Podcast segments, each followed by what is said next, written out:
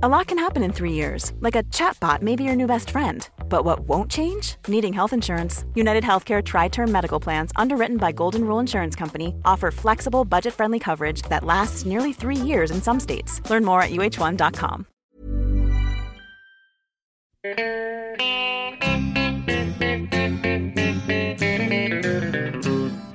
Hello out there, we're on the air. It's hockey night tonight.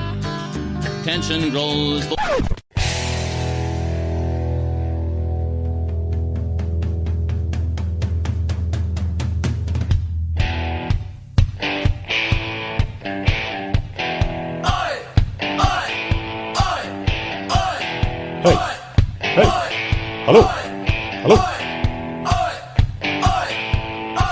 Är Per Biffen Bjurman och Ondskan. Bambi Ekeliv. Podda på för allt vi har. Helst från en tiki-bar. Men åren går fjalla fort. Man hänger inte med. Nu firar vi igen, högtidligen. Örby Sinatra är tänd. Tio år med denna podd. Tio år ser inget stopp. Tio år med Derek Brassard. Tio år, vi har massor kvar.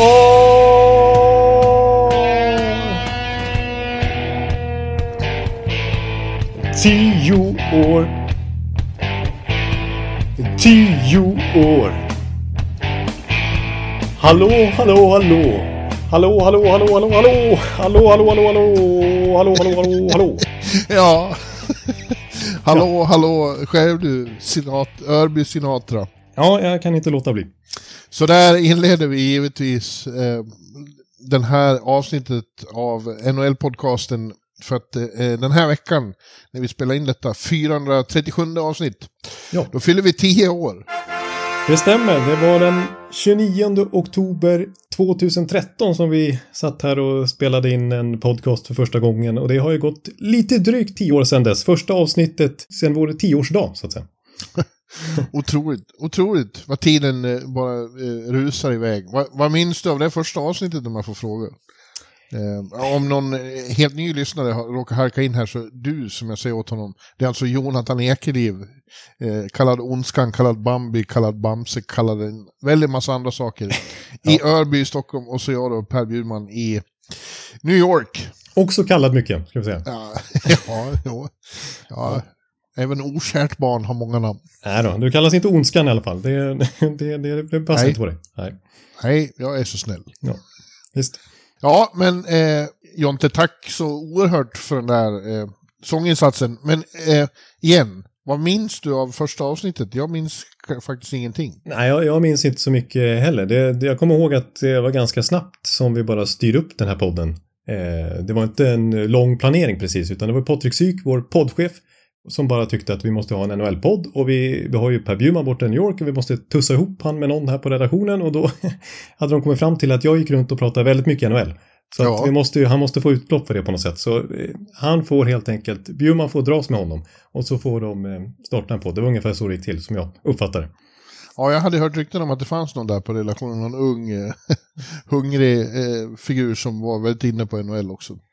Ja. Eh, ja, och här är vi tio år senare. Ja, nej, men det, jag, jag kommer också ihåg, det är en specifik grej eh, från första avsnittet jag kommer ihåg. Det var att jag skulle försöka skyla att jag håller på Tampa Bay. Det, det, det sket sig redan i första avsnittet. Ja, det gick, det gick, nej, det gick, ingen, det gick inte bra alls. Men det kanske var lika bra det.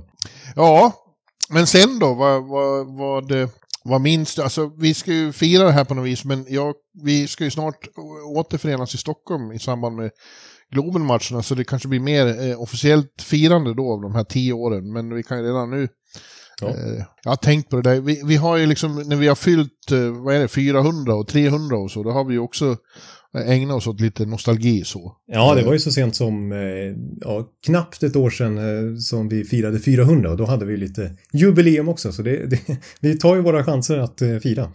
Ja, men det känns som att man återkommer rätt mycket till samma milstolpar eh, när man ska diskutera det här. Och, Ja. eh, jag vet att jag, jag tjatar jämt om att e- e- ett tidigt minne jag har är att när vi hade kört igång den här så, så var det ju OS rätt så omgående. Liksom. Snacka, om att, snacka om att ha mycket att snacka om. Liksom. Eh, och att jag satt någonstans i, där i, i mediacentret en sen natt i, i, det var ju så konstigt med tiderna där. Ja. Eh, för då var jag före dig plötsligt tre timmar. Ja, just det. Vi har alltid varit så sex eller sju timmars eh, tidsskillnad. ja, fast då var det åt andra hållet. Ja, ja just det. I, I Sochi då, i ett stort... Jag satt där mitt i det var jag och bara någon satt någon från Ecuador och halvsov i något bås där. Ja. och, och, så pratade vi om, om Tre Kronor då, eller hela OS-turneringen. Det var ju jävligt fascinerande. Ja, det är sjukt att vi inte haft möjligheten att liksom plöja igenom ett riktigt NHL-OS så att säga, sen dess. Sen liksom, då var bara podden några månader gammal och här sitter vi tio år senare och det är det OS vi har pratat om i podden på riktigt. Ja, vi hade ju två år senare hade vi World Cup i, i Toronto också, men det ja. var inte riktigt samma sak.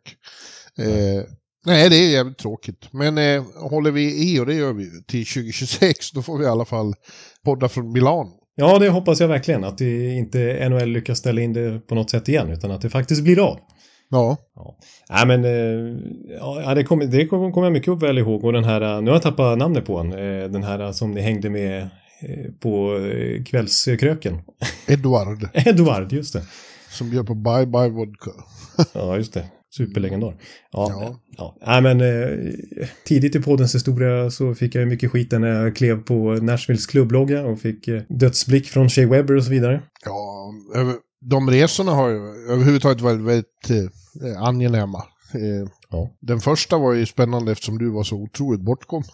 ja. ja, jag gjorde bort mig varje dag.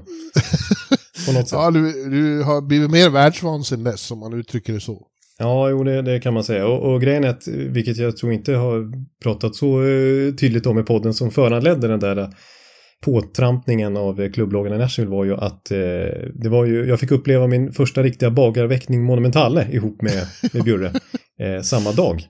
Eh, eftersom att eh, vi skulle vara på plats på den här morgonvärmningen i Nashville samma dag som vi skulle flyga från New York. Så vi gick ju upp 03.45 eller sånt där stod klockan på.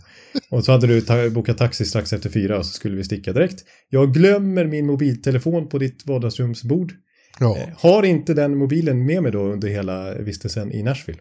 Eh, går alltså runt och spelar in mina intervjuer i Nashvilles omklädningsrum med min laptop vilket gör att det ser ju dels ser väldigt märkligt ut. Dels så ser jag inte vad jag trampar när jag går runt med den här datorn som var modell större än vad jag har i nu. Eh, och eh, klampar då på loggan och blir utskälld av Shea Webber och så vidare. Det är inte enda gången du har glömt saker på de här resorna. Nej, det, det, det, det, det stämmer. Du tappar passet på Madison Square Garden. Ja, en påsk Sådana minnen också, ja just det. Usch. Ja, det, var, det är den största ångesten jag upplevt. Och den största lättnaden. Alltså, eh, det var som när Toronto Maple Leafs slog ut eh, Tampa här i slutspelet i våras. Alltså den lättnaden jag kände när, när eh, det hördes av sig från Madison Square Garden att de hade hittat passet. Ja, ja, jag ringde till vaktmästarna där och de ringde tillbaka och sa jo, vi har hittat pass här. Och så stack du iväg dit och eh, när du kom tillbaka hit till lägenheten då var det en lättad ondskan som dök upp i dörren. Ja, det var, det var, det var en underbar känsla på sitt sätt. Ja. det var det faktiskt. Ja, ja, ja. ja, men sen är det ju, eh, tycker jag också, står ju ut gör ju, eh, några gästspel vi har haft. Till exempel av eh, Niklas Lidström. Ja. Eh, vi har haft eh, Foppa, Foppa, här, mm. Foppa här i New York. Det var precis innan pandemin bröt ut. Det var Sista avsnittet innan pandemin ja. Ja. Så stod vi med, med Foppa på ett hotellrum borta vid Garden. Ja. Och så Pierre LeBrun inte minst. Just det. Eh, det var inte så länge sedan. Och Jarko Päiviniemi. Jarko. Ja, det är nog det, är det längsta avsnittet vi har haft förutom de här liksom eh, eh, årliga avslutningsavsnitten när vi går igenom samtliga lag. Men vi, vi skulle ha med Jarko ha lite finsk special. Det, det slutade med att det blev två och en halv timme långt eller något sånt där. Jo, men han är ju bättre än alla svenskar. ja. Du kan ju tänka dig hur han lät på redaktionen när eh, Rasmus Andersson tacklade Patrik Laine. ja, ja, eh, Rasmus Andersson, det ska vara 15 matcher. Alltså, jag, jag tar inte i 20 matcher minst. Vad gör han? Smäller ner Laine. Idiot. Ja. Ja. Ja. ja. Ja, men, men eh, överhuvudtaget är det ju så att, och så har vi gjort, det var ju speciellt i, när vi var i Tampa då på en av de här resorna med, med tittare, så gjorde vi ju det närmaste vi har kommit en liveshow där när vi satt i, i lobbyn på eh, hotellet. Ja. det var speciellt och det, det, är ju särskilt speciellt för dig för den resan slutade med, med livsförändrande saker för dig. Ja, precis. Jag träffade en norska som jag ja. eh, här fyra år senare bor ihop med och eh, ja, det kan man säga var livsförändrande. Ja, vi är några stycken som fortfarande väntar på bröllopsinbjudningar för att vi, vi ser oss som orsaken till att det blir. Det finns väl viss, eh, viss inverkan på det från eh, ett gäng där i Tampa. Ja. jo, det kanske kommer. Jag ska inte säga något mer än så. Nej. Ja, härligt. Va? Det, det är ju det bästa som har hänt såklart överhuvudtaget i podden, att den ledde till det. Ja, det, det hade jag inte sett framför mig då när vi satt och spelade in där 2013. Ja, ja har du något mer innan vi, innan vi Eh, ge oss i kast med veckans många, många samtalsämnen. Eh, nej då, det, jag känner det att vi har så mycket att prata om den här veckan så att vi får väl eh, kasta oss in i det och det, jag tycker att det har hänt grejer bara nu, alltså normalt sett, det var ju vant, det kan jag säga i, i poddens historia, så har det hänt mycket grejer precis efter att vi har tryckt off på inspelningsknappen ja. och liksom är klara. Ja. Det finns ju massa exempel på det, framförallt den där 2016-klassikern då när massor av trader, liksom, ja. ja, Taylor Hall mot Adam Larsson, Shea Webber mot P.K. Subban och så vidare, inträffade alltså sekunder efter att vi hade spelat in det här två timmars avsnittet med Jarko. Ja. Så vi fick ju börja om i princip. Eh. Ja, ja, men jag, vill, jag skulle vilja överhuvudtaget säga att det, höjdpunkten har varit att det liksom den här ongoing eh, återkommande punkten i, i tillvaron varje vecka under vinterhalvåret. Jag, jag upplever det här som en oas i, i tillvaron. Ja, men, Den här timmen eller dryga timmen med dig en gång i veckan. Det, det är bland det bästa som har hänt. Oj, vad trevligt sagt. Men det, det håller jag verkligen med om. Och det kan vi ju säga, passa på att säga också, tacka alla lyssnare. Som, utan er så hade det ju varit helt omöjligt att hålla på i tio år. Även om jag och Bjurman gärna hade suttit och snackat en timme varje vecka ändå. Utan lyssnare så är det ju fantastiskt att det är folk som orkar lyssna på oss ja. också och tycker att det är någorlunda intressant. Ja, ja det är härligt. Jag, jag tycker det här är så kul så jag tänker ofta på det under slutspelet. Jag skulle vilja göra en podd varje kväll. ja, du, vi har ju pratat lite om det. Eh, match, eh, vi har ju, eh, det har jag ju sagt att du borde åka med på ett slutspel eller en final och så gör vi en podd efter varje match. Ja, ja det hade varit något. Jag, jag ska fortsätta ligga på Sportbladets chefer om att detta ska vara görbart någon gång. Så att ja. vi faktiskt kan ta det till nästa nivå här, de kommande ja. tio åren. Ja, exakt. Ja, men du, eh, Ondskan Ekeliv, min gode vän. Eh, det har, hör ju också till det bästa att jag har lärt känna dig och fått en ny fin vän. Ja, precis. För som sagt, första gången, vi hade ju mejlats lite innan, men första gången vi pratade med varandra på riktigt, det var ju typ någon vecka innan första poddavsnittet. Så, ja, så ja. färskt var det. Så vi har ju lärt känna varandra mycket genom podden också. Man säga. Verkligen. Mm. Eh, Mowgli och Baloo. Så är det, som Leifby. Ja, det var Leif snabb. Så själv nu ute på hockeyresa har vi allt sett. Just det, nu är det han som konkar runt ja. Jag hoppas han kommer hit, eller att de kommer hit. Han och Filip. Filip, att de kör hockeyresan borta hos dig. Mm. Ja, visar runt dem i, i New York-området. Ja, ja. Det, ja, bra. Men du, som sagt, vi har väldigt mycket att prata om idag eh, i, i detta tioårsjubileumsavsnitt. Eh, och precis innan vi spelade in, eh, som du nämnde då, så har vi haft viss otur med att stora saker händer precis när vi har tryckt av inspelningsknappen. Mm. Men nu var det tvärtom. Nu kom då beskedet från Washington denna onsdag morgon att eh, Niklas Bäckström, ja han sa inte att han lägger av, men att han tar ett, eh, en paus igen från hockeyn. Skadesituationen har gjort att han, eh, ja, step away heter det. Ja, ja det är ju tråkigt och lite oväntat på det viset att det kändes som att han hade jobbat sig igenom den här eh, tunga perioden med höftproblem och att han faktiskt kände sig någorlunda fit inför den här säsongen och kunna Ja, men han, han fullföljde fjolårssäsongen när han kom, kom tillbaks mitt i och kände sig mer kurant nu men uppenbarligen så har han ju fortfarande han kan inte göra sig själv rättvisa. Det har vi ju sett på hans, inte minst på hans poängproduktion Mm. Före och efter skadan då att det, vi är vana vid en Niklas Bäckström som gör en poäng per match, minst. Och den här säsongen hittills på åtta matcher står han på en assist. Ja. Ja, det är ju så. Om man alltså, han, han är center i tredje kedjan. Mm. Eh, spelar lite powerplay också, men det är ju inte, det har inte varit eh, den Beckis som vi och framförallt han själv eh, har varit van vid. Ja.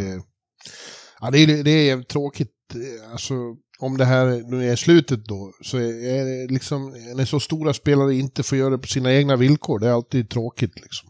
Ja. Eh, Men jag tror att framförallt han känner det, att han inte kan göra sig rättvisa. Och det måste vara så, måste vara så tungt när man vet hur det ska göras men inte längre kan på grund av att det gör för ont. Ja, precis. Annars har ju faktiskt Beckis varit det kommer jag ihåg när jag gjorde en intervju. Jag har ju inte, inte intervjuat honom alls i närheten på lika ofta som du har gjort som har pratat med honom kontinuerligt varje säsong sedan 2007 när han debuterade i ligan. Tusen gånger! Ja, minst. Ja, precis.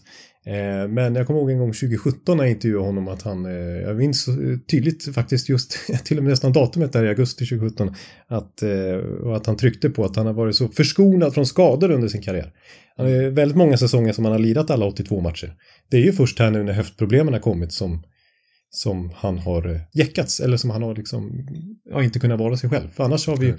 varit så otroligt bortskämda med, och inte minst Washington, med att ha en en 100% Beckis år efter år efter år. Ja, han spelar, han spelar just sin el, eh, han spelar 1100 matcher. Nummer, nummer 111 var alldeles nyligen. Och eh, det är ju en av de stora, stora svenska eh, NHL-karriärerna. Han är ju topp, eh, om inte topp 5 så han är topp 6-7 på alla tiders poängliga också. Han är, han är sexa. Ja. Mm. ja, det är bara, det är bara Lidas och Sudden, Affe och bröderna Sedin som är före. Ja, och ser vi till poängsnitt på de här 1100 matcherna ungefär han har så är han faktiskt före Sedinarna och före Alfie och före Henrik Zetterberg. Så det säger en del om hans eh, produktionsförmåga. Ja. Ja, ja, jag tycker att det är en av de, eh, det har ju varit en av de som jag har följt allra längst. Det började med Henke och så vart det Beckis då. Eh, Jag var på hans, på hans NHL-debut i Philips Arena i Atlanta då. Ja, just det, den, eh, den. Hösten 2007. Eh, Den var jag på. Och det som då var ju en väldigt, väldigt blyg och försynt pojk Skönt. Som, eh, som bara muttrade under lugg och inte var så väldigt förtjust i att man dök upp. Åh, jag vill ha så här, jävling. Åh, det, åh, jag gör mitt bästa. Man försöker väl jag. Försök själv då. Ja, ja. Mm. Det kommer ett mål då, Nicke. Ja, det var ju, ni tjatar jämt om det där. Ja, nej, det minns vi Ja, från... ja, och, så var, och det har ju sen då blivit...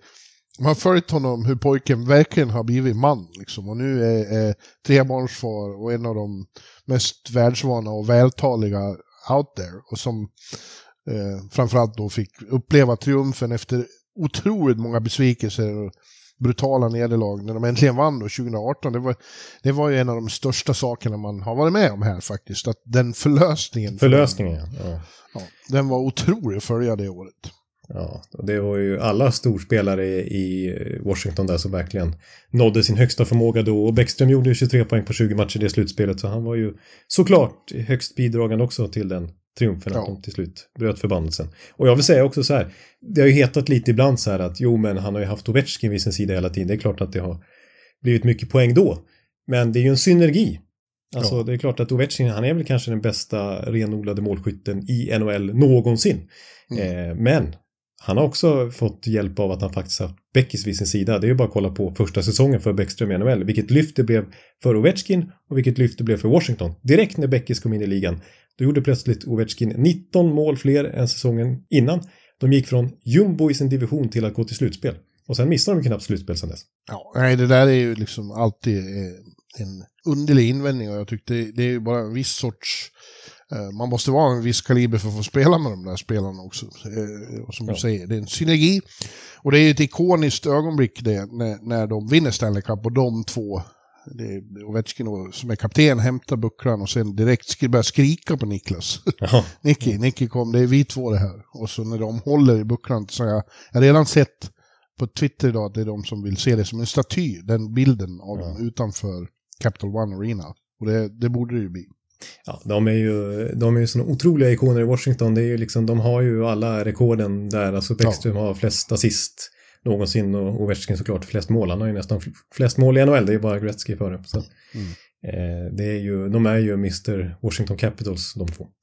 Nu är det ju inte då officiellt att det är slut. Alltså han säger Nej. att han step away. Vi får se. Men, men det är ju i den här åldern, eh, i det här skedet, mitt i en säsong, eh, med den skadehistoriken, så det blir ju väldigt svårt att komma tillbaka. Så är det. Men det är bara att inse det. Ja, nej, det, det, det, det känns eh, tufft. Och ett bevis på att han liksom inte... Han har aldrig levt på sin speed och jag kommer ihåg att vi har sagt under poddens år här att han har aldrig levt på sin speed så han borde kunna åldras väl i NHL.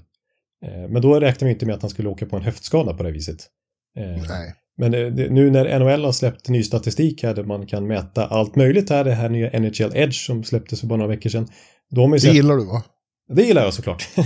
och då är det faktiskt några här bara senaste dagarna som har noterat eh, att, eh, ja, apropå Beckes skada nu, att eh, det har varit väl, man kan kunna säga topphastighet och så vidare. Och då är Bäckström en av de som har registrerat lägst topphastighet och minst antal gånger över en viss hastighet. Och det säger ju ganska mycket om eh, hur hindrad han har varit i, i skridskoåkningen och sitt spel. Ja. Ja, han kommer då snart förmodligen att bli upp, uppsatt på, han är ju på skadelista nu, men det blir förmodligen långtidsskadelista också då. Och då lösgörs, lösgörs ju eh, en hel del cap space för Washington. Men jag vet inte eh, om de verkligen ska göra en stor trade nu. Ska, eh, är det värt att tänka på? Det är en svår situation för dem, för de vill väl fortsätta gå för också nu när de ändå har Ovechkin och Oshie och John Carlson och Wilson på nytt stort kontrakt och så vidare. Det är ju någon slags retool och rebuild on the fly de sysslar med. Om det skulle vara så att Bäckström blir borta länge nu, då är det som sagt, ja, det är drygt 9 miljoner dollar trots allt som lösgörs. Så det, ju, det kan ju man få in rätt bra spelare för. Ja, men är det värt Alltså de kommer inte vinna Stanley Cup. Det är glöm det. Ska de då ge upp eh, fler första val för liksom, eh, för vad? Nej, Nej de, de eh, alltså, ja, det, det kändes som att de gick åt rätt håll när de gjorde den typen av trade de gjorde vid, vid deadline här tidigare år, alltså förra säsongen när de fick in Rasmus Sandin mot Orlov. Att göra den typen av trade och liksom successivt bygga om laget, föryngra laget ju. Ja. Det är väl ja. snarare det de ska fortsätta med än att hoppas på att den här kåren faktiskt kan vinna Stanley Cup fortfarande. Ja, det tycker jag.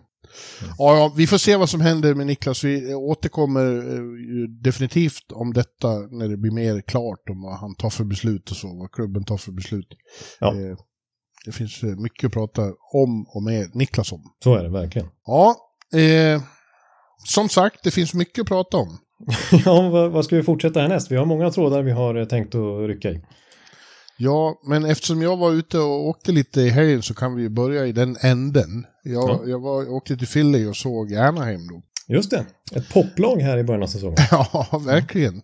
Eh, jag var, liksom, var i valet och kvar när man skulle åka dit så man inte riktigt vet om Leo Karlsson får spela eller inte. Eh, eftersom, inte på grund av att han inte levererar utan för att eh, klubbledningen och, och GM Verbeek har tagit beslut att han ska matchas försiktigt, eh, Leo. Ja. Och var i, inte slitas ut första säsongen utan var en tillgång senare under säsongen också. Och det där är ju liksom lite underligt. Men det, vi fick någon slags 99% besked om att han kommer att spela den där matinén i Philadelphia i lördags då. Så jag åkte dit och det behövde jag inte ångra. Det var en, en väldigt uppiggande upplevelse. Både att se Anaheim som lag, att få vara i Wells Fargo Center igen och, ja. och se Leo då. Ja, för första gången live borta i USA. Ja, mm. ja jag räknade upp eh, andra eh, live-debuter genom åren och den kvalade faktiskt in där bland ja, Henke då, 2005, ja. Beckis 2007, Viktor och Erik 2010, eh, och, och, och Landeskog 2012 och, och, senare Elias Pettersson och Rasmus Dahlin 2018. Det var en live-debut av den digniteten. Ja, ja och det, det var ju ingen Alltså han gjorde en bra match, Leo Karlsson, onekligen, men eh, för en gång skulle var det ingen liksom, poängfest från hans klubba. Däremot så var det ju en kross från Anaheim. Ja, men det intressanta med det var ju att nej, han tyckte själv att det var, sa efter att det var min sämsta match hittills, men det var en härlig vinst. Men det var ju också så att han plötsligt hade Sean Couturier på sig hela tiden. Ja. Och bara det är ju en, eh, ett, ett besked som heter duga att motståndarnas bästa shutdown-spelare plötsligt sätts direkt mot denna 18-åring. Ja, för att neutralisera honom. Han är ja. ett för farligt hot liksom. Och det, ja. ja, helt fantastiskt. Men, men, och ändå då så syntes, syntes det ju än, ännu tydligare Mm. Eh, den här, att han märks hela tiden. Så fort han kommer ut på isen, han är ju stor, så han, man ja. syns ju på det sättet också. Men att någon som är så stor också rör sig så snabbt och så smidigt. Och också det här liksom järva och företagsamma, att han, att han liksom inte det minsta blyg, utan tvärtom. Han, han hamnar ju med klubbladet i isen. Ja, för att få pucken. Kom igen nu, jag ska ha pucken. Ja, som en, som en Mikael Nylander. Liksom. Ja. ja, nej men det är lite, det är uppiggande med en sån här, på, på, alltså rent kroppshyddamässigt så tycker jag att han är lite så här old school center. Lite, han har jämförts liksom med Mats Sundin och Ja. Ryan Getzlaff och Anse Kopitar och lite Jevgenij Malkin liksom. Han är det stuket. Han har den här tyngden liksom. Men samtidigt så är han ju 100% anpassad till den moderna dagens hockeyn. Att han är liksom sprungen ur den. För han har ju kvickheten, explosiviteten också och, och framförallt hockey-IQ. Ja. Ja, han sa det efteråt. Ja, nej, ja visst, men jag försöker bara spela som, på det sätt som har tagit mig hit. Jag, vill inte ändra någonting och det är ju helt korrekt. Liksom. Han sa, jag försöker utnyttja att jag har storleken och snabbheten. Liksom, snabb, down the middle. Ja, och som vi pratade om lite förra veckan också när vi var inne på matchningen där att eh, Verbeek har sagt att de här två första månaderna ska det bara bli två matcher i veckan annars kommer han ställas åt sidan för att det ska vara den här lugna inskolningen som vi både tycker är lite märklig och lite intressant och unik åtminstone. Ja. Eh, så var det ju tvärtom från coachen Greg Cronin då som, som när, när han väl får spela så är det som sagt första kedjan med Troy Terry och Trevor Seagrass. En riktig superkedja med Anaheim mått mätt då. Ja, och de eh, blir ju uppenbart frustrerade när han inte spelar. De vill ha med honom. De tycker att han är fantastisk att lira med. Liksom. Det, Ja. det gör det lättare för dem att ha honom med sig. Liksom. Ja, ja, det förstår jag verkligen. Och två dagar innan den där eh, matinén i Philadelphia så gjorde de ju braksuccé i, i, mot Boston. Just det. De det är inte en lätt match. Nej, de ligger, ligger under med 3-1 när det är två, två, två och en halv minut kvar. Och vänder och vinner på övertid. Och Leo är högsta grad inblandad. Han gör ett, ett reduceringsmål där först. Han är på isen igen och täcker när de kvitterar. Och han slår den lysande framspelningen till Terry då. Nej, till uh, McTavish. Just Det är avgörandet på övertid. Och det är den enda matchen som Boston har förlorat hittills. Ja, otroligt. och då är han så, det är så här, då pratar jag med honom på telefon efteråt. Eh, och då, han är så oförstörd. Det är ingen som har liksom hållit på att mediaträna för att ta bort saker, eh, utan han är så här uppriktig. Så jag frågade om den där framspelningen. Ja, ja, jag vet inte fan vad backen gjorde. jag, fick, jag fick en jävla massa utrymme. Det var en simpel passning att slå. Ja, ja, jo. Han svär som en sjöman, det gillar jag också, liksom, att det är personligt. Han är rakt på sak. Ja. Ja. Ingen krusiduller. Nej, det Och, eh, Däremot, däremot Philadelphia åkte han ju på en smäll, man höll ju andan ett tag där på slutet. Han Han brakade in i stolpen. stolpen. Ja. Ja. Och, frågade, och det såg ut som han hade väldigt ont. Och det sa, ja det hade jag. Det var samma jävla höft igen. Oj, oj, han är rena Captain Haddock alltså. ja, ja, men underbart. Ja, nej men sen får man väl säga eh, apropå Anaheim då att eh, det fortsatte ju sen med seger även, alltså de har ju varit på en lång roadtrip och ändå kommer de tillbaks med så många segrar det här eh, fjolårets liksom jumbolag. Eh, Ja. med, de, de, det var ju väldigt speciellt vad som hände i Pittsburgh också. Ja, verkligen. Då var ju jag ute på Hives-konsert. Så jag följde inte den matchen. just det. Ja, och det är bara en sån sak. Ja. Eh, eh, ja, nej men då var det ju, var, alltså Mason McTavish är ju inte heller någon eh, dålig spelare som har verkligen fått extra genombrott den här säsongen känns det som. Alltså de, de känns spännande nu Anaheim. Vi, vi pratade Ja. ju lite om det förra veckan också, vad de har på gång på, på, på backsidan. Och Lukas Dostal i kassen dessutom. Det är ju alla tre lagdelar som det känns spännande i nu. Eh, Men Mason McTavish då som kvitterar sent, eller var det han som kvitterade? Det var i alla fall han som satte avgörandet med 13 sekunder kvar. När Pittsburgh hade powerplay och man var helt säker på, eller allt handlar ju om om de skulle lyckas knipa två poäng innan det blev förlängning. Spelet vänder, Mason McTavish kommer ut. Det var väl till och med 5 mot 3 när han kom Mm. ut. Eller 3 mot 5 då med Anaheim ögonsett. Och så kommer Ja. han in och, och, och sätter friläget och Anaheim vinner borta mot Pittsburgh. Ja. Jo, det, de är spännande, men eh, det är ju fortfarande tidigt. Alltså, nu kan vi inte längre säga, från och med idag kan vi inte säga eh, oktober. Nej. Utan det är november nu. Eh, Movember, som det heter det. i hockeysammanhang. Nu ska det ut med mustascher. Ja, ja den eh, förmågan har inte riktigt jag. Inte ens tio år senare faktiskt. Eh, och eh, eh, det är ju, vi- har ju sagt det hundra gånger, man vinner inte nu. Men det är ju såklart bättre att få en bra start än en dålig. Man är ju hellre Anaheim än San Jose som vi ska återkomma till. Verkligen. Eh, det här betyder inte att de kommer att vara i slutspel. Det är en lång, lång, lång säsong. Men det är fortfarande... Eh, det är inte otänkbart heller att de har kommit över en tröskel och är på väg mot något, mot något betydligt roligare än, än senast, senaste åren. Eh, det är inte bara de unga som är liksom... Eh, börja blixtra om, utan några, en, en, veteran som Frank Vetrano, Frankie Five Angels som vi kallade honom här ja, i New York, har ju varit grym. Han gjorde ju eh, hattrick där i... ja, inför dig. I, i, ja. ja. Det var hans andra hattrick den här säsongen dessutom. Ja, ja vi snackar om het liksom. Ja, han är uppe i nio mål alltså. Han leder NHLs skytteliga ihop nu med den så omhuldade Alex DeBrinket. Det hade man ja. kanske inte trott. Sen ska, sen ska vi säga, apropå, nu ska jag inte säga oktoberslutsats, men åtminstone första novemberslutsatser. Att eh, det är fortfarande tidigt. Eh, och eh, jag kommer ihåg att förra året så var det faktiskt så att Frank Petrano fick en bra start också. Inte så här extremt bra start, men han gjorde mycket mål i oktober också. Sen gick han 25 matcher med bara ett mål helt plötsligt. Så vi kanske inte ska räkna med att Frank Petrano, men, men absolut. Jag, jag tror att jag menar, Jakob Silverberg gjorde mål här om natten också. Det känns som att eh, den här ungdomliga entusiasmen som verkligen börjar, ja men att de unga verkligen eh, på bred front börjar leverera nu i Anaheim, att det har ja, införlivat nytt, ny energi även hos veteranerna som du är inne på. Och, och att eh, Anaheim kanske inte är ett slutspelslag än såklart, men att nu ser vi, de har varit liksom nere på botten, nu är de ju faktiskt på väg upp tydligt. Ja, ja, och det här kommer bli en rolig säsong. Ja, det, det ska det bli. Och, och, ja, well, det är bara tre veckor kvar till Thanksgiving. Eh, eller ja, drygt tre veckor. Och då har vi vår gamla käpphäst om att tabellen är satt. Ja. Att, eh, vad är det, 70, mellan 70-80 procent av lagen ja, som är där då. 78 procent av sånt där brukar jag slå fast att det är. Ja. ja. Ja, vi kommer återkomma till det avsnittet när vi ska diskutera tabellen då. Ja, och jag vill säga det, de har som sagt varit på en lång roadtrip nu, Anaheim. Nu väntar fem raka hemmamatcher. Eh, så ja. att, eh, ja, och den första får man alltid stryk. ja, det är väl så. De möter Arizona i natt här några timmar efter att vi har spelat in. Just det. Ja, men det, det ska bli jävligt spännande att följa. Mm. Apropå bort... Eller har du något mer? Nej, men det, jag, jag hör vilken övergång du är på väg att göra. Mm.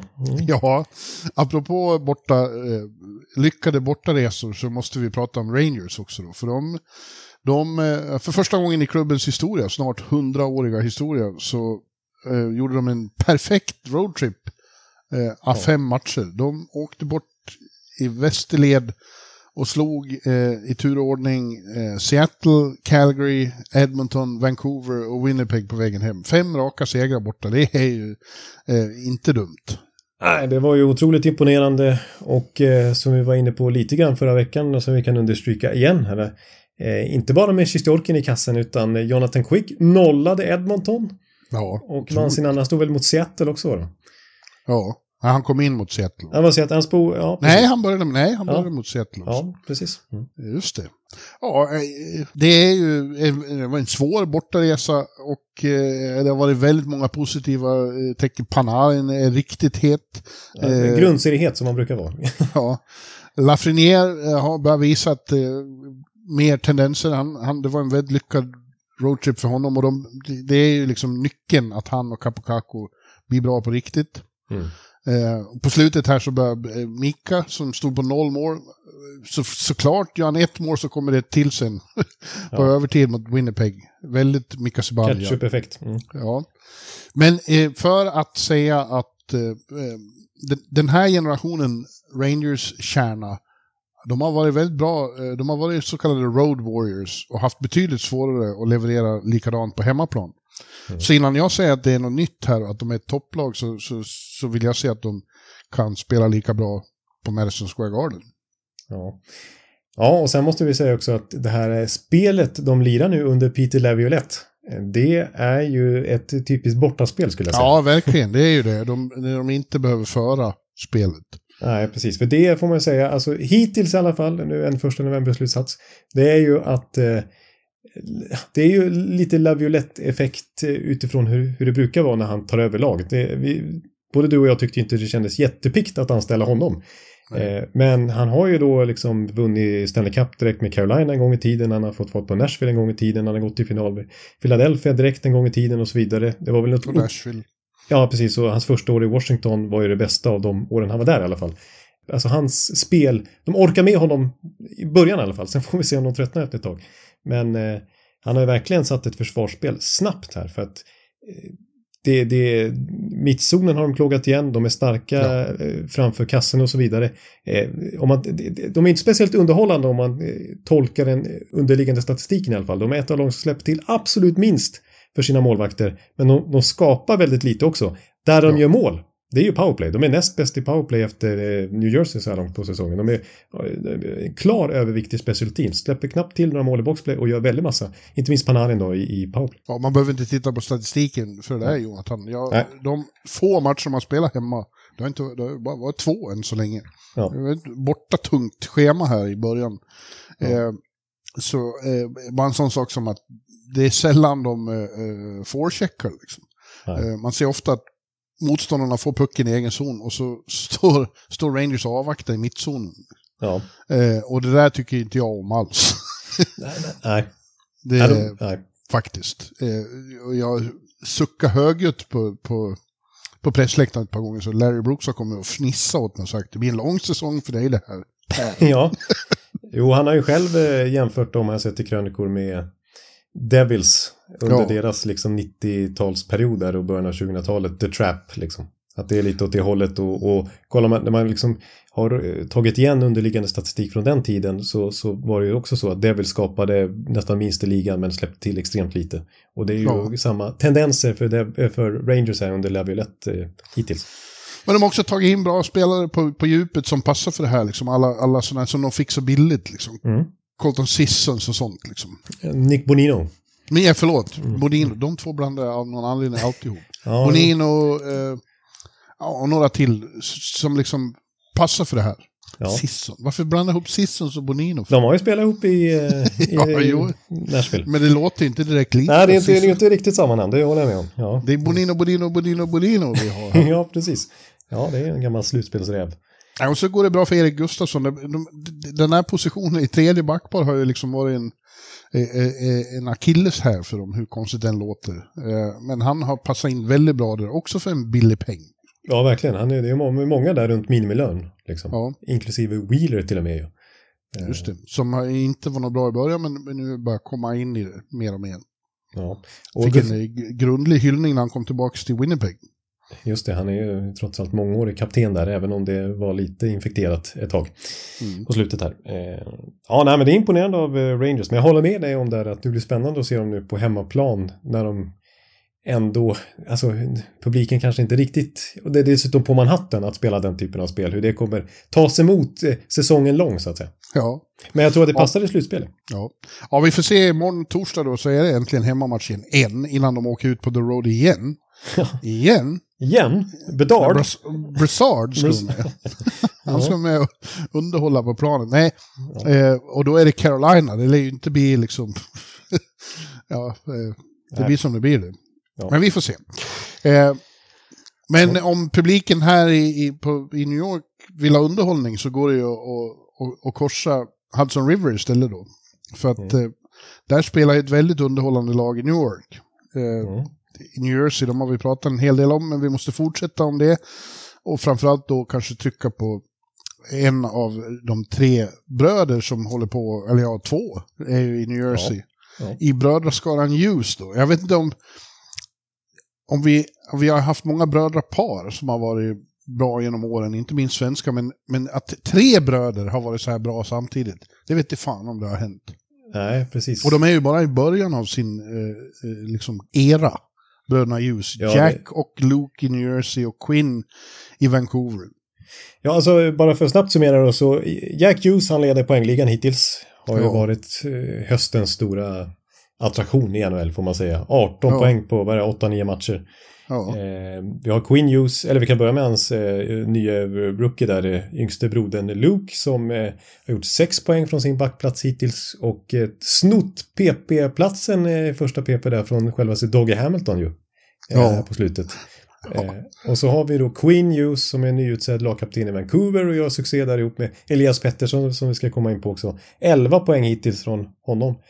På backsidan där, eh, han var ju slutade i tvåa i, eh, ihop med Josh eh, Morrissey i poängligan för backar. I fjol bakom överlägsne Erik Karlsson. Så att, ja, det är ju en otrolig brödratrio. ja, och dessutom är ju då Quinn Hughes i princip aldrig inne på baklängesmål. Nej, just det. Han väl knappt Fem mot fem. Nej. Nej. det var någon, det var alldeles nyligen, jag vet inte om det stämmer fortfarande, men då hade han varit inne på ett baklängesmål på sex sju matcher, fem mot fem. Ja. Och samtidigt producerar så mycket fram. Han är ju, han och Cale McCarr är de klaraste Norris Trophy-kandidaterna så far. Det kan bli så att eh, de vinner de kan, de kan ta, familjen kan ta storslam med lite tur. Alltså det kan vara Hart, Norris och Calder. ja, precis. Det är familjefotot där, liksom, där de inte syns för det är så mycket bucklor i vägen. Liksom. Ja. ja, otroligt. Och, och, och, och just tre bröder, har, alltså, om vi ser till Sverige, vi har ju haft mycket bra brödrapar med tvillingarna Sedin allra först, men även Patrik och Peter Sundström, vi har haft eh, Bröna Jönsson, Bröna Abrahamsson säger vi i Leksand, de hyllades ju just hemma i, i Leksands isstadion. Men tre bröder har vi väl aldrig haft på den nivån. Nej, jag, jag kommer, alltså i modern tid här kommer jag tänka på Stalbrorsorna som ju ändå får mm. man säga är framgångsrika, liksom eh, Mark, eh, Jordan ja, och, och Eric. Men det är ändå, det känns som att det här är ett snäpp till. Ja, verkligen. Det är det ju. Ja, och New Jersey överhuvudtaget, eh, alltså de har ju startat på ett sätt som de inte är helt nöjda med eftersom de har haft så märkliga problem i starten av matcherna. Eh, alltså första perioderna har varit riktigt kassa, vilket de eh, säger själva och inte förstår att de inte kan göra mer åt. Nej, åt? Mm. jag måste fastna. passa på när jag får chansen. Ja, ja. Jag har Men nu då, dig. senast, i, i, i söndags, ja. då gjorde de en kanon första period. Ja. Bra. Ja. ja. Mot eh, Minnesota. Och, och, och då var ju Jesper Bratt, de har ju honom också, trea i poängligan, var häromdagen i alla fall. Eh, ja. Var suverän den matchen, två mål, en assist och eh, Lindy Ruff höll ett, ett tal rent av för honom. Ja, så att det är en lyx att ha Jesper och att eh, jag ser ännu mer energi i år. Jag ser ännu mer Eh, dynamisk rörelse på isen. Han, han har blivit eh, ännu bättre helt enkelt. Han skjuter och det, snabbare och allt vad det, vad det heter. Ja, ja. ja. Och, det, och att det är en lyx att ha honom. Och det, och, men det där är ju vintage Jesper, liksom, eftersom han är den mest ambitiösa av alla vad gäller träning. Eh, i, in i detalj. Så hans uttalade mål är ju hela tiden att bli bättre, fast han redan är så bra. Ja, och det känns som att han, han fortsätter att klättra. Han har varit med så länge nu. Han är ju liksom en riktig veteran i New Jersey. Ju. Eh, men han är ju trots allt bara, han är född 98 så han är 25 bast liksom. Han, ja. han kliver in i sin prime nu. Ja. Och det märks verkligen i poängprotokollet hur det liksom ökar successivt hela tiden. Och nu är det ju, nu är han ju uppe med Jack Hughes i toppen av hela NHLs poängliga liksom. Normally being a little extra can be a bit much. But when it comes to healthcare, it pays to be extra. And United Healthcare makes it easy with Health Protector Guard fixed indemnity insurance plans. Underwritten by Golden Rule Insurance Company, they supplement your primary plan, helping you manage out of pocket costs without the usual requirements and restrictions like deductibles and enrollment periods. So when it comes to covering your medical bills, you can feel good about being a little extra. Visit uh1.com to find the Health Protector Guard plan for you. Ja, fantastiskt. Eh, stora applåder till Jesper. Jag, jag, han, han kommer att vara i topp. Får han vara hel och frisk så eh, kommer han att vara med bland de främsta i svenska poängligan när vi är klara. Ja, och jag lägger till där att eh, liksom, som, nu är ju André Palatti i New Jersey också, men jag brukar tycka i Tampa att man satte in Palatti i den kedjan som behövde komma igång. Att han, han, liksom, han är så bra och alla trivs så mycket att spela med honom. Han får igång energin i kedjan och sådär. Och lite samma sak tycker jag att det är i New Jersey, att den kedja som det är klart, nu är Jack Hughes extremt bra, men den kedja som Bratt är inne med är oftast bäst. Eller liksom den som känns mest sprakande. Det märks faktiskt på Jack Hughes när han inte har Bratt med sig 5 mot 5. Då är han minus 3 och hans underliggande siffror går ner utan Bratt. Men Bratt, hans eh, siffror är omärkta så att säga, vare sig han spelar med Jack Hughes eller inte. Det säger någonting om, om Jesper Bratts storhet. Tyler Toffoli har ju kommit igång också och börjat spruta in mål. Jag sa ju på redan på förhand att det är en fantastisk eh, nyförvärv. Och han har, han har verkligen börjat, ja vad det han är, en, en, en, en sjuhelvetes sniper. Ja, de fick ju liksom en i princip garanterad 30-målsskytte. Ja. Utan att betala allt för mycket. Mm. Mm.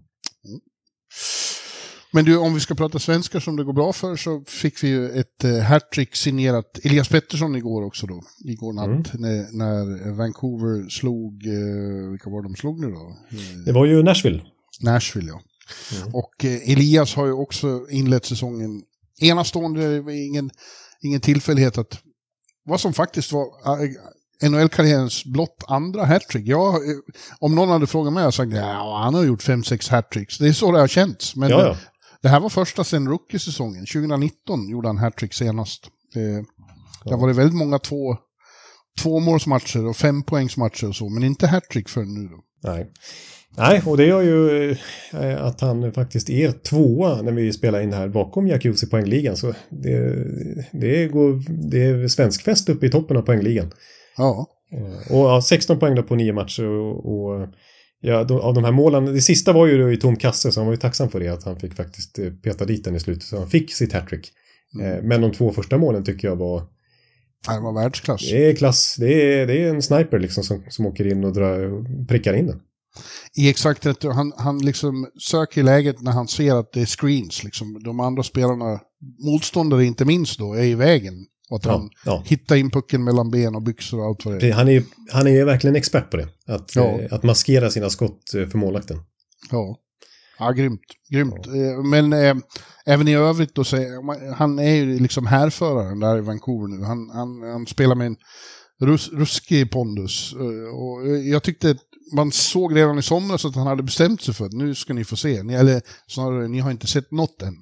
Nej. Nej, att det, det, det är nu, ja men det, jag känner det alltså. Det, det blev ju 100 poäng i fjol. Eh, remarkabel på många sätt och liksom inte, liksom vi pratar mycket Erik Karlsson men det var ju även Elias som var över 100 poäng och det är första gången om en svensk då på 10 år. Eh, Mm. Sen det är väl Sedinarna senast som var över 100 poäng och nu känns det som att ja, men i det här skedet av hans karriär så är det per default att han kommer göra 100 poäng. Ja. Liksom, han, kanske inte, han är on pace för 146 poäng nu och det kommer han inte hålla men det känns som att nej, nu kommer han göra 100 poäng i många år här. Mm. Alltså det är den nivån som är hans grundnivå. Ja, ja, det känns så. Och, och Vancouver eh, har ju för första gången på många år nu fått en bra start. Eh, Ja. Och jag tror att de har tillräckligt mycket potential för att hålla i det här och kan bli ett slutspelslag. Just nu är de ju klart bäst av västkanadensiska lagen. Ja. Ja, Avsevärt mycket bättre än Calgary framförallt. ja usch, det där går inte bra. Det blev inte uppmuntrande i utomhusmatchen heller. Nej. Det, det, det, vi kanske får komma in på dem. Men jag fortsätter med Vancouver. Jag, jag håller dock med Tocket som inte är alltför nöjd här, eh, än här. Nej, det är bra. Att, att, han, att, han, tycker det är mycket att, att slipa på. De, de har haft lite packlack om man ska säga så. De är effektivast i hela NHL. De har liksom en ohållbar skotteffektivitet. Eh, och eh, däremot så, så har de ju bra eh, målvaktsspel också och det är ju, det är ju verkligen sparkapital för dem att Thatcher Demko är tillbaks nu i fullt slag. Och jag menar, han är ju en av NHLs bättre målvakter när han är 100%. Så det är ju inte så konstigt att de har bra målvaktsspel då. Men eh, ja, det finns lite att jobba på. Jag såg Elias Pettersson i en intervju med Henrik Sjöberg, din kol- kollega borta i Nordamerika där för Hockey News, eh, som sa att, eh, där Elias själv var inne på att han vill bli bättre utan puck. Vi har ju berömt honom mycket för hans defensiva spel, men han tycker hela, hela hans kedja och Tocket inne på det att Vancouver har fortfarande lite att jobba på. eh, Liksom, de har faktiskt släppt till mer än vad de har skapat i 5 mot 5 och sådär. Så det finns fortfarande lite att jobba på. De har haft lite tur hittills också. Men att de ändå då för en gångs skull här tar poäng i sådana matcher är ju en styrka i sig. Det finns mycket, alltså det finns fler nivåer tror jag att hämta av det här Vancouver och ändå har de börjat bra. Ja, det är, det är lovvärt. Jag, jag ska slänga in en eh, till statistik här med Elias Pettersson som jag tycker är kul och som vi inte har nämnt i podden någon gång. Det är det här, hans extrema förmåga som syns återigen här under hösten. Att fixa utvisningar, alltså att inte dra på sig själv utan att motståndarna Mm. hamnar i utvisningsbåset när, när de har med Elias Pettersson att göra. Sen han debuterade i NHL då 2018, 2018 så har han eh, fixat 121 mer powerplay än vad han själv har orsakat boxplay. Eh, Ja. Och det är alltså klart flest i NHL, eller ja, klart flest är det inte för det är bara fem fler än Conor McDavid som är tvåa. Men det är ingen annan som är över 100 i plus så att säga i den statistiken. Så det sticker verkligen ut. Och det är fortsatt samma tendens nu här under hösten. Alltså det är, det är inte, det är inte negativt precis att det var en maskin när det kommer till att fixa fram powerplay för sig glad. Nej, och då fick han ändå inte en mot eh, Rangers som alla i Vancouver tyckte att han skulle haft i, i övertiden där. Eh, nej, eh, ja. Mm. Eh, han vräktes som kull och det var väldigt upprört över att han inte fick... Eh, men man kan inte få med sig jämt. Nej, men det är många som, som vräker kull Elias Pettersson för att han, de Ja. inte hänger med. Precis. Eh, vi måste nämna Jonas Johansson igen också. Jag hade hoppats vi skulle slippa prata om men det går inte. ja, det, det, vi har ju fått eh, återkomma till honom nu i varje podd sen säsongen började och även innan då såklart. Med tanke på orosmolnen som fanns.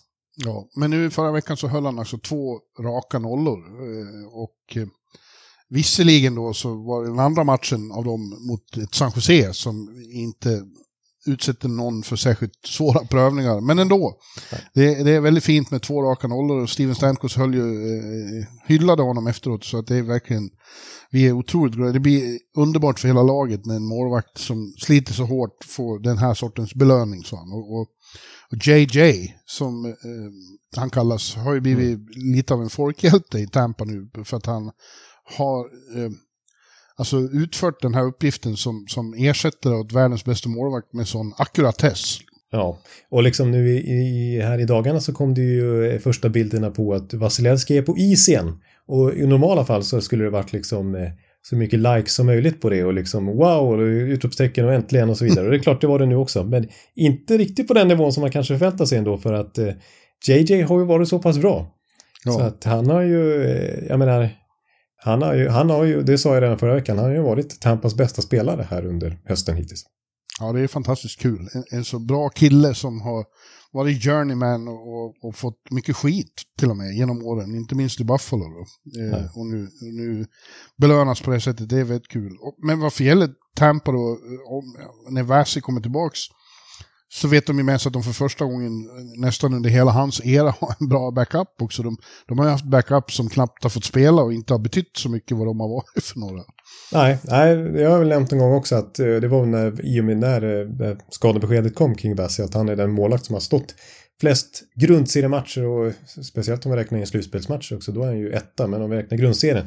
Så sen han blev första målvakt eh, efter Ben Bishop för 5-6 år sedan så, så har han ju stått, är det bara Conor Hellebuck som har stått fler matcher, så han har ju haft ett enormt workload och så långa somrar med mycket slutspelsmatcher. Och det var ju snack om det i fjol när han inte var så bra i slutspelsserien mot Toronto där. Och det var ett övergripande tema för många målvakter som hade stått mycket i grundserien att det kanske är slitsamt att man, man kommer inte in 100% i slutspel när man har tvingats stå så mycket under grundserien. Eh, så att det kan vara väldigt, väldigt positivt för Tampa då att man kan försiktigt slussa tillbaks Vasilevski in i spel här för att man litar ju på Johansson för första gången. Man litar som sagt på sin backup. Ja, ja, det, är- ja jag, jag tycker det är härligt. med det. Nu, nu fick jag ett mejl från NHL precis nu sitter och spelar in att Lukas eh, Dostal, säger man så? Mm. Vad säger man? Anaheim-keepern. Mm. Han är utsedd till Rookie of the Month i oktober. Det, Se det, där. det är ingen dålig rookie-månad ju. Eh, Leo Nej. Carlsson är ju en av många. Men det är alltså Dostal som kniper den och det- ytterligare en fjäder- Dostal, säger man så? Ja, jag vet faktiskt inte hur man ska uttala Ja, vi det. säger Dostal. Ja, Dostal? Dostal. ja, men ytterligare en fjäder i hatten för Anaheim. eh, Liksom, eh, de Ja. står verkligen inte och faller med Gibson bara, utan nu har de ju en ny eh, sensation på gång. Och, så, och backsidan som vi hade det är lite fokus på förra veckan. Så att det, mm. Mm. Men eh, vi nämnde ett lag där som eh, jo, Johansson höll nollan mot och det var ju då eh, San Jose. Som verkligen inte har något roligt, rolig start på säsongen. Eh, de står på en poäng efter, Oj. hur många matcher är det? ja, nio. Eh, nio matcher, de har tagit en poäng, alltså lyckats få stryk på övertid då, men han fick på. Och eh, frågan har ju rests nu, är San Jose Sharks årgång 23-24 sämsta laget under hela cap-eran? Och eh, är inte, det, man förstår att frågan ställs. Ja, alltså att de ska ta mer än Colorados var det väl 47-48 poäng där eh, innan de exploderade. Eh, Det var väl 16-17 säsonger som Colorado tog 48. Jag tror, inte, jag tror det är lägsta noteringen. Ja, det, det känns som att eh, ta San Jose över 30 poäng ens den här säsongen. Ja, man, man ska bli, ja, det är ju, det, det är ju synd om dem. Liksom. Ja.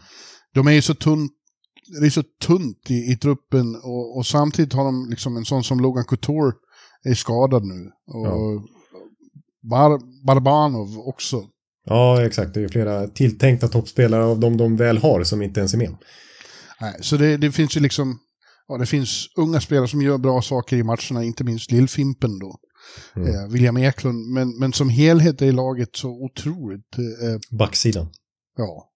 Eh, och, och så fort, det är så typiskt sådana här lag, det krävs så lite för att allt ska braka ihop. Liksom. De hade 1-0 mot Washington efter två perioder här i helgen, men så fort Washington fick in ett mål så nej, nu, nu, nu får vi panik. Liksom. ja, de föll ihop. Och jag följde ju såklart noga matchen mot Tampa och det var inte mycket att hänga i julgran. Det blev ju 6-0 där för... Ja, de har ju alltså gjort nio mål på nio matcher, San Jose. Ja. Nu är det ju liksom ingen katastrof för dem, för de har inte räknat med något annat än att de ska vara liksom bottenlag. De har ju siktet helt inställt på framtiden och, och skaffa draftval och sådär. Men, men ändå, alltså det, tänk för sådana som har varit med, alltså Hurtle och sådana. Ja, som skrev ett nytt långtidskontrakt för något år sedan eller så, liksom, ja, att det skulle bli så här illa. Vad hopplöst tråkigt det här ska vara. Liksom. ja, men jag tycker så, även om då Couture var med mycket förra säsongen och de hade Timo Meyer förra året också. Det var ju ett slagkraftigare lag. Och de hade Erik Karlsson ja, också. jag tänkte säga det är nästan ännu mer imponerande att Erik Karlsson faktiskt gjorde över 100 poäng i det här laget. För ja. det var inte så fruktansvärt mycket bättre i slagstyrka och han gjorde ju liksom nästan 30 poäng fler än närmsta lagkamrat då. Ja. Ja, det är otroligt. Det är första november och man kan konstatera att de redan är avhängda. Ja, det är det. De, de tar inte igen det här. Även om de byter till sig ett gäng eh, stjärnor liksom. Ja.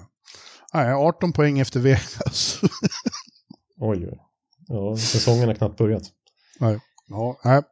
nej men som sagt, det är ju liksom ingen som hade trott att det skulle bli på något annat sätt. Kanske att de skulle ta några poäng till, men, men det är som det är.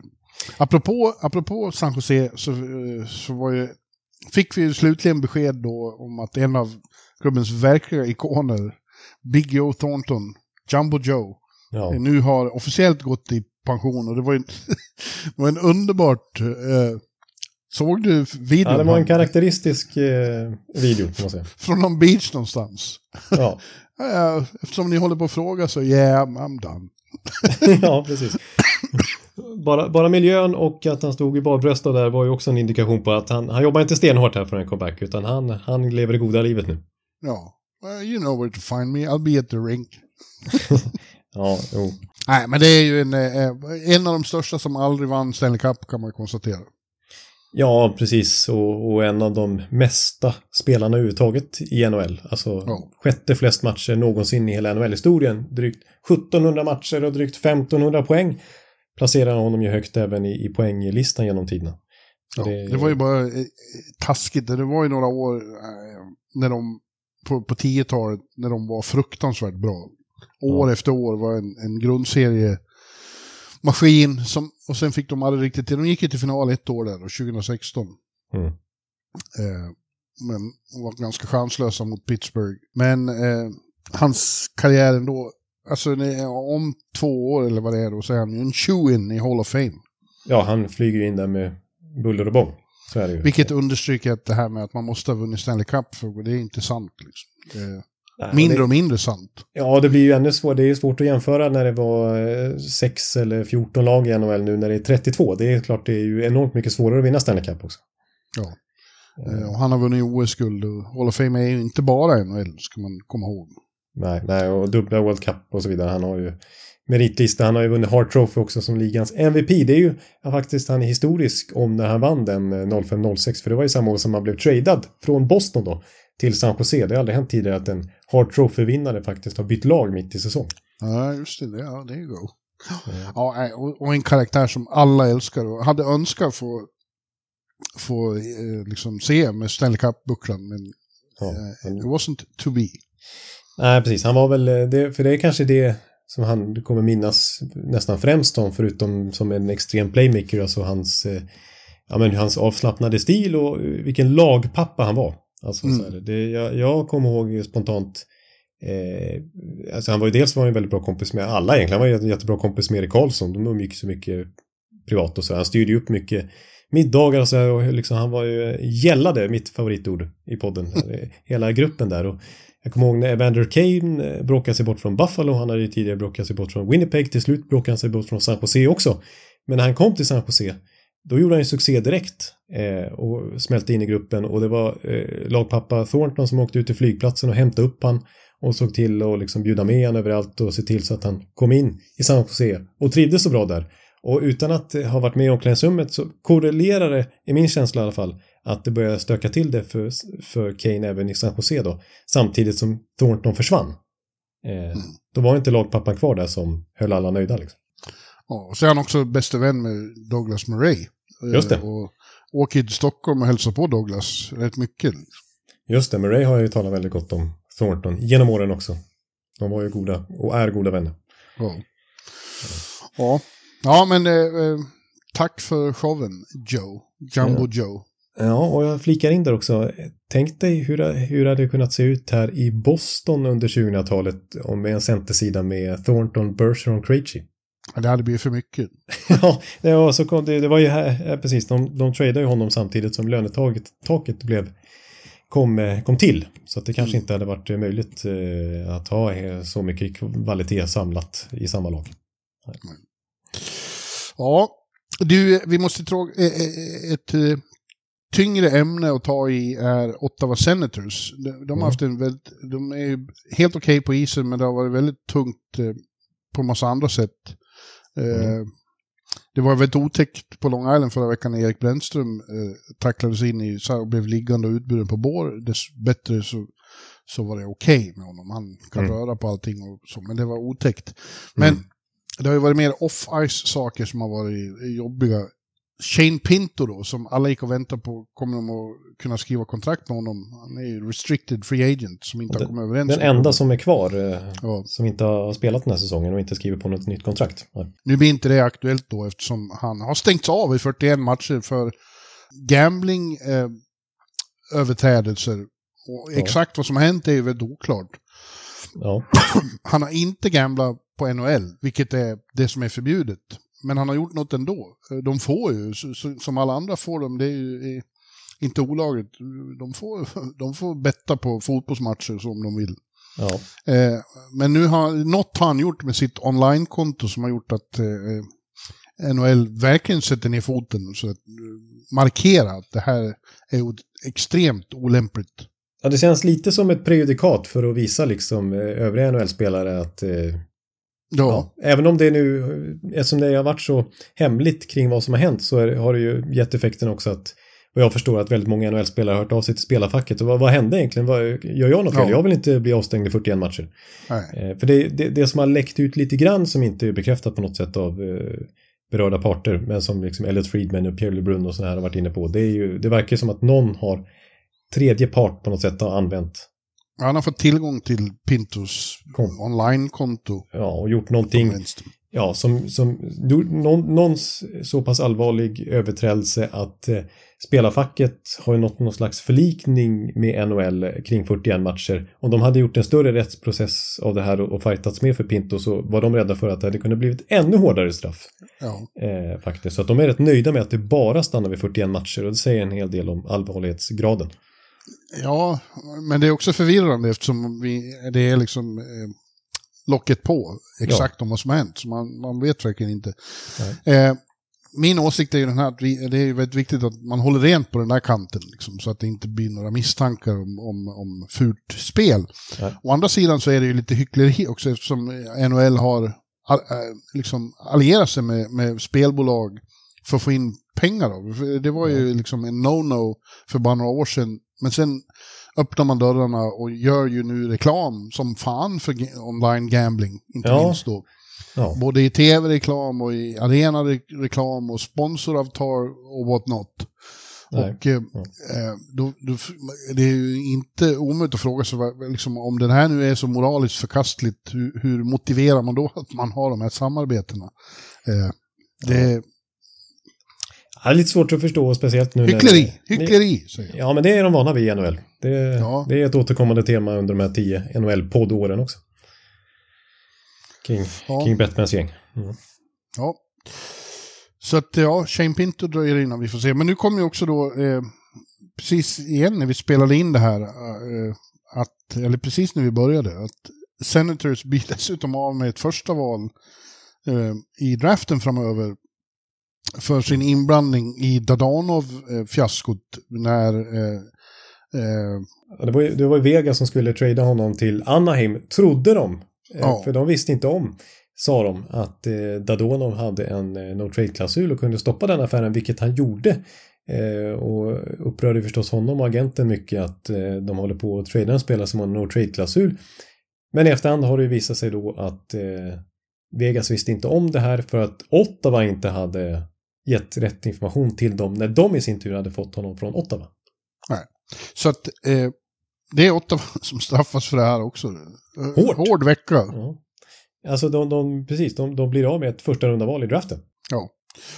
Ja, så kan det gå. Apropå draften så verkar det ju som att det är klart nu att eh, draften kommer inte bli samma sak i fortsättningen. De har NHL har hört av sig till klubbarna för att höra om hur intresset för en decentraliserad draft, liknande den som de har i NBA och NFL, om, om det fanns intresse för det och det fanns en förkrossande majoritet för att det inte ska vara det event det är nu, utan mer ett tv-event.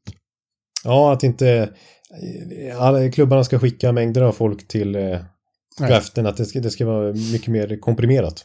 Ja. Eh, och eh, det är ett hårt slag för väldigt många nördar som tycker att draften är årets höjdpunkt. Eh, Det är ju lite firmafest och lite eh, sådär och möjlighet till att att knyta kontakter och så vidare. ja. ja, det är ett av de största evenemangen rent logistiskt Ja, eh, under säsongen, definitivt. Alla är där och så vidare. Men, Mm. eh, och jag, jag, ja, det är väl tråkigt att inte få åka på det, men, men jag förstår ju liksom. För att jag har suttit igenom de där drafterna och dag två till exempel är ju obegripligt, Mördande. Obegripligt tråkigt att sitta där. ja jo. Nej, precis. Nej, så det kan man väl förstå. Och så har det väl lite att göra med, som jag har förstått också, att i och med att bara några dagar senare så är det första juli eh, normalt sett, eftersom att draften brukar vara där runt midsommar. Eh, och det är dags för eh, Free Agent Frenzy. Och Ja. att Jerry Manchin sådär tycker att det är lite störande att det ska behöva gå så mycket tid, framförallt till resor fram och tillbaks i ett så viktigt skede när man behöver vara påkopplad hela tiden. Ja. Men å andra sidan, eh, finns det de som tror att eh, om de inte ses så blir det färre trader.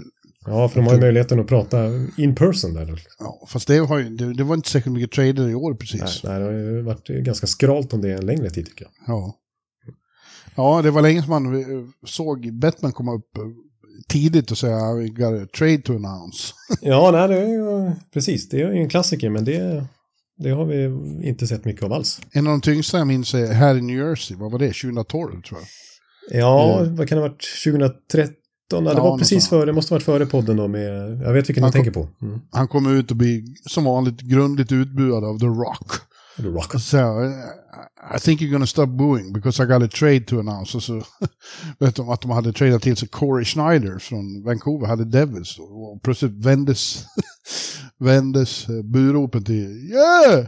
Ja, just det, just det, så var det. Och eh, det är ju lite pikant för att, eh, kommer du ihåg vem eh, Vancouver i sin tur eh, som skickade bort eh, Schneider och tog med det valet de fick? Elfte valet om jag inte minns fel, eller tionde eller sånt där. Ja, eh, det är ju han eh, som är i New, i York Islanders nu, vad heter han? Bo Horvat. Bo Horvat, ja just det. Just det, som Lamoriello alltså tradade bort det valet och nu senare så bytte han till sig då Bo Horvat eh, till Islanders. Ja, Och, och, tog, tog in även Corey Schneider som tredje keeper. och tyck, tyckte att han fick alldeles för mycket pengar. Just det, så var det. Too much money, too much Too, much, time. too many years, too much money. Ja. Mm. Ja, men du, om vi ska fortsätta på lite tyngre saker så är det ju, även NHL det har ju gett väldigt eko här, den hemska, fasansfulla olyckan i England då. Eh, ja. Adam Johnson. Adam Johnson, ja, som, eh, om man, man vill ju knappt säga det ens. Eh, Alltså, träffades av en skridsko på, på, på halsen och, fick, och det, ja, han avled helt enkelt. Och det är ju fruktansvärt. Ja. Det har framförallt då gett for, förnyat bränsle åt debatten om halsskydd. Då. Eh, jag tycker, jag, alltså jag minns ju 95 när, när Bengt Åkerblom förolyckades på samma sätt i Mora. Ja. Ända sedan dess har jag, jag kommer ihåg hur omskakande det var. Och ända sedan dess har jag tyckt att det är helt vansinnigt att de inte använder halsskydd mer. Eh, Nej. alltså fre- frekvent och på riktigt se till att skydda sig. För att, ja, det här är väldigt ovanliga olyckor, men bara att risken finns borde ju få alla liksom att, vad för i helvete? Ja. Nej, för det, Det, här... det, det är obekvämt och det blir varmt och det sitter i vägen. Men, men fan, det, får, det går att vänja sig vid. Det har gått och vant sig vid allt annat som de inte har tyckt om. Det var ju lika med visir när det kom. Åh, vad hemskt det var. Ja, och hjälmar en gång i tiden också om vi Ja, backar ja. Ja. Ja. Så att eh, jag tycker att de äh, får göra som med visiren och hjälmarna liksom grandfather in att nya som kommer upp måste ha halsskydd.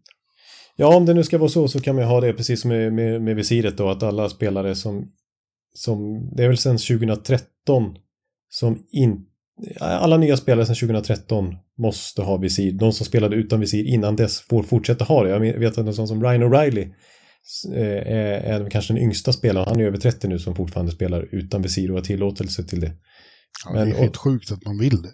Ja, ja, ja, Så att åtminstone det, men absolut, det, det här är en grej som då spelarfacket måste godkänna. NHL kan inte bestämma själva att alla spelare måste ha halsskydd, men det är ju bara att bestämma sig för spelarfacket. Det är ju för deras säkerhet. Verkligen. Eh, För det här, jag menar, nu händer det här med, det är inte vanligt, men det, händer, det har ju hänt flera gånger i historien. Och vi kommer ihåg Clint Melarchak i NHL också en gång i tiden, som överlevde mirakulöst nog, lyckligtvis. Men, och Richard Sednik har ju varit, eh, drabbats illa också en gång i tiden, så att det, det är inte osannolikt att det händer, men det finns ett skydd mot det. Ja. Eh, ja, använd det för fan. Så är det. Ja, har vi något mer? Ja, vi... vi eh, du- pratade där om Jarkos starka reaktion på Rasmus Andersson. Hur, hur lät han? Ja men, äh, Ekliv, ja, stopp, stopp! Rasmus Andersson, vad gör den? Vadå fyra matcher? Det ti- det var, jag, jag, 20 matcher är inte för lite. 20 matcher ska vara fruktansvärt. Han spelade ju line. Såg vi inte? Ja. ja. Såg vi inte? Ja. Och samma sak hände ju då bara för någon dag sedan här när eh, eh, Charlie McAvoy i Boston sänkte Oliver Ekman Larsson med en ful huvudtackling. Ja. Helt i onödan när pucken redan var borta. Och han får också fyra matcher då. Ja, precis. Eh, och det tycker jag var helt på sin plats. Även om varken Andersson eller McAvoy är egentligen några fula spelare. Liksom McAvoy på 6-7 år i NHL har han varit avstängd i en match tidigare. Mm. Men det där var ju, precis som i Anderssons fall, så var det ju en helt onödig smäll. Det var från blindside och han hade, det, det Ekman Larsson Jag klev fram framför liksom framför Floridas kasse. Det är jävligt onödigt. Onaturligt. ja, Alltså, ja, det helt- var, det var en kon- konstig situation. Precis, och Ekman Larsson hade ju haft pucken tidigare men hade spelat från sig den två sekunder tidigare så att McAvoy hade all tid i världen att uppfatta att eh, Ekman Larsson inte var tacklingsbar och att det dessutom att han kom från blindside med Wales ögonsätt. Så det var ju riktigt farligt och helt onödigt. Så Ja. att eh, fyra matcher var ju helt på sin plats får man säga. Ja, det var det. Jaha, Ekan, har vi nått eh, tioårsjubileets eh, slutpunkt nu? Ja, men det tycker jag. Det är klart vi kan, eh, man kan prata eh, fler lag och Pittsburgh som fortfarande har lite tungt och så vidare. Men vi, vi, jag menar, vi, eh, vi är ju långt ifrån klara med den här podden totalt sett. Jag menar, vi ska ju, vi siktar väl på tio nya år till så att säga. Så att, Absolut. så att det, det, vi kommer ha all tid i världen. 20 år till. 20 år till, ja. Att hinna fira fler jubileum och eh, ni tvingas höra fler sånginsatser och så vidare. För det har ju blivit en tradition jag försöker hålla liv i. Ni får, ni får sä- sätta stopp för mig om ni tycker det blir för mycket. Ja. Men eh, ja, Örby Sinatra eh, har hybris. Vi, vi älskar dig, Jonathan. Ja, Din exhibitionistiska sida är väldigt eh, underhållande. ja, jag, jag, jag, borde lägga mer band på mig själv, men jag, jag, Nej, jag nej. fortsätter än så länge. Absolut inte, gör inte det. Eh, men du, nästa vecka då, då eh, börjar det dra ihop sig. Då åker jag till Toronto i slutet av veckan för att vara på Hockey Hall of Fame. Just det. Och, sen, eh, sen så bär det av till eh, Ja. Sweden. Ja, precis. Och eh, då ska vi ses. Och kanske ni som lyssnar också. Vi, vi skulle vilja delge ännu mer information alltså, kring förutsättningar för livepodderiet som ska bli av i Annexet i Globen. Eh, jag tror nästan att vi kan slå fast eh, att, för det, kan, det talas just nu om att vi ska spela in två livepoddar. Och eh, vi ska vara på en scen där i Annexet. Och jag tror nästan vi kan slå fast fredagsmatchen där mellan Detroit och Toronto. Eh, Vi får se. Jag, tror det kommer krävas att man har biljett till matchen för att man ska släppas in där. Det tycker jag är lite synd, men så är det. Eh, förmodligen. Så att nästa vecka kommer vi nog med, med mer uppgifter kring eh, vad som gäller kring de här livepoddarna. Ja. Ja, Men jag, jag- kan säga, jag- vi, vi ska ju försöka spela in dem också så att det går att lyssna på dem i efterhand oavsett. Ja. Ja, jag, jag, lämnar allt det där åt dig. Jag bara, I'll show up och så får vi se vad det blir. Ja, ja, men det ska bli kul i alla fall. Det Får är... hoppas det inte blir publikfiasko. Tänk om vi sitter där bara du och jag. Ja, vi sitter där och, och babblar på. Så, Ursäkta, vi har ju en live... Kom hit! Kom hit! ja, vi får se. Vi får se. Det, det, det finns ju ett annat... Eh, jag menar, det är ju inte ensam eh, om att hålla hov den kvällen. Det är en hyfsad match och så vidare också. Så. Men eh, ja, det blir spännande att se. Det blir det. Ja, men du, du vi, vi tackar för det här avsnittet. Eh. Och säger eh, ja, tack för att ni har lyssnat både nu och, och under de tio år som har gått. Ja, och så eh, inleder vi tio år till nu då. Och eh, för den här veckan säger vi hej hej. Hej! Hallå, hallå, hallå. Hallå, hallå, hallå. Alex Chiazot, Joe Luis Arena och Esposito. Esposito. Uttalsproblem, men vi tjötar ändå. Och alla kan vara lugna, inspelningsknappen är på. Bjuder Hanna Kohl, han är grym i sin roll. Från Kållesoffan har han fullständig kontroll på det som händer och sker. Det blir ju allt fler som rattar in hans blogg. Och lyssna på hans podd. One, two, turn, speed, so Hallå, hallå, hallå. One, two, turn, speed, so Hallå, hallå, hallå. Ekeliv, som är ung och har driv. Verkar stor och stark och känns allmänt massiv. Han hejar på Tampa och älskar Hedman. Sjunger som Sinatra. Ja, och det ser man. Nu är det dags för refräng. Dags för magi, Victor Norén. Du är ett geni. Så stand up at home and remove your hats. Höj volym, för nu är det plats. One, two, turn, speed, so Hallå, hallå, hallå. One, two, turn, speed, so Hallå, hallå, hallå. One, two, turn, speed, so Hallå, hallå, hallå. One, two, turn, speed, so Hallå, hallå, hallå. Det er utroligt længe siden mor, der samtidig trods har råd. Hallå, hallå, hallå. Det er utroligt længe siden mor, der samtidig trods har råd.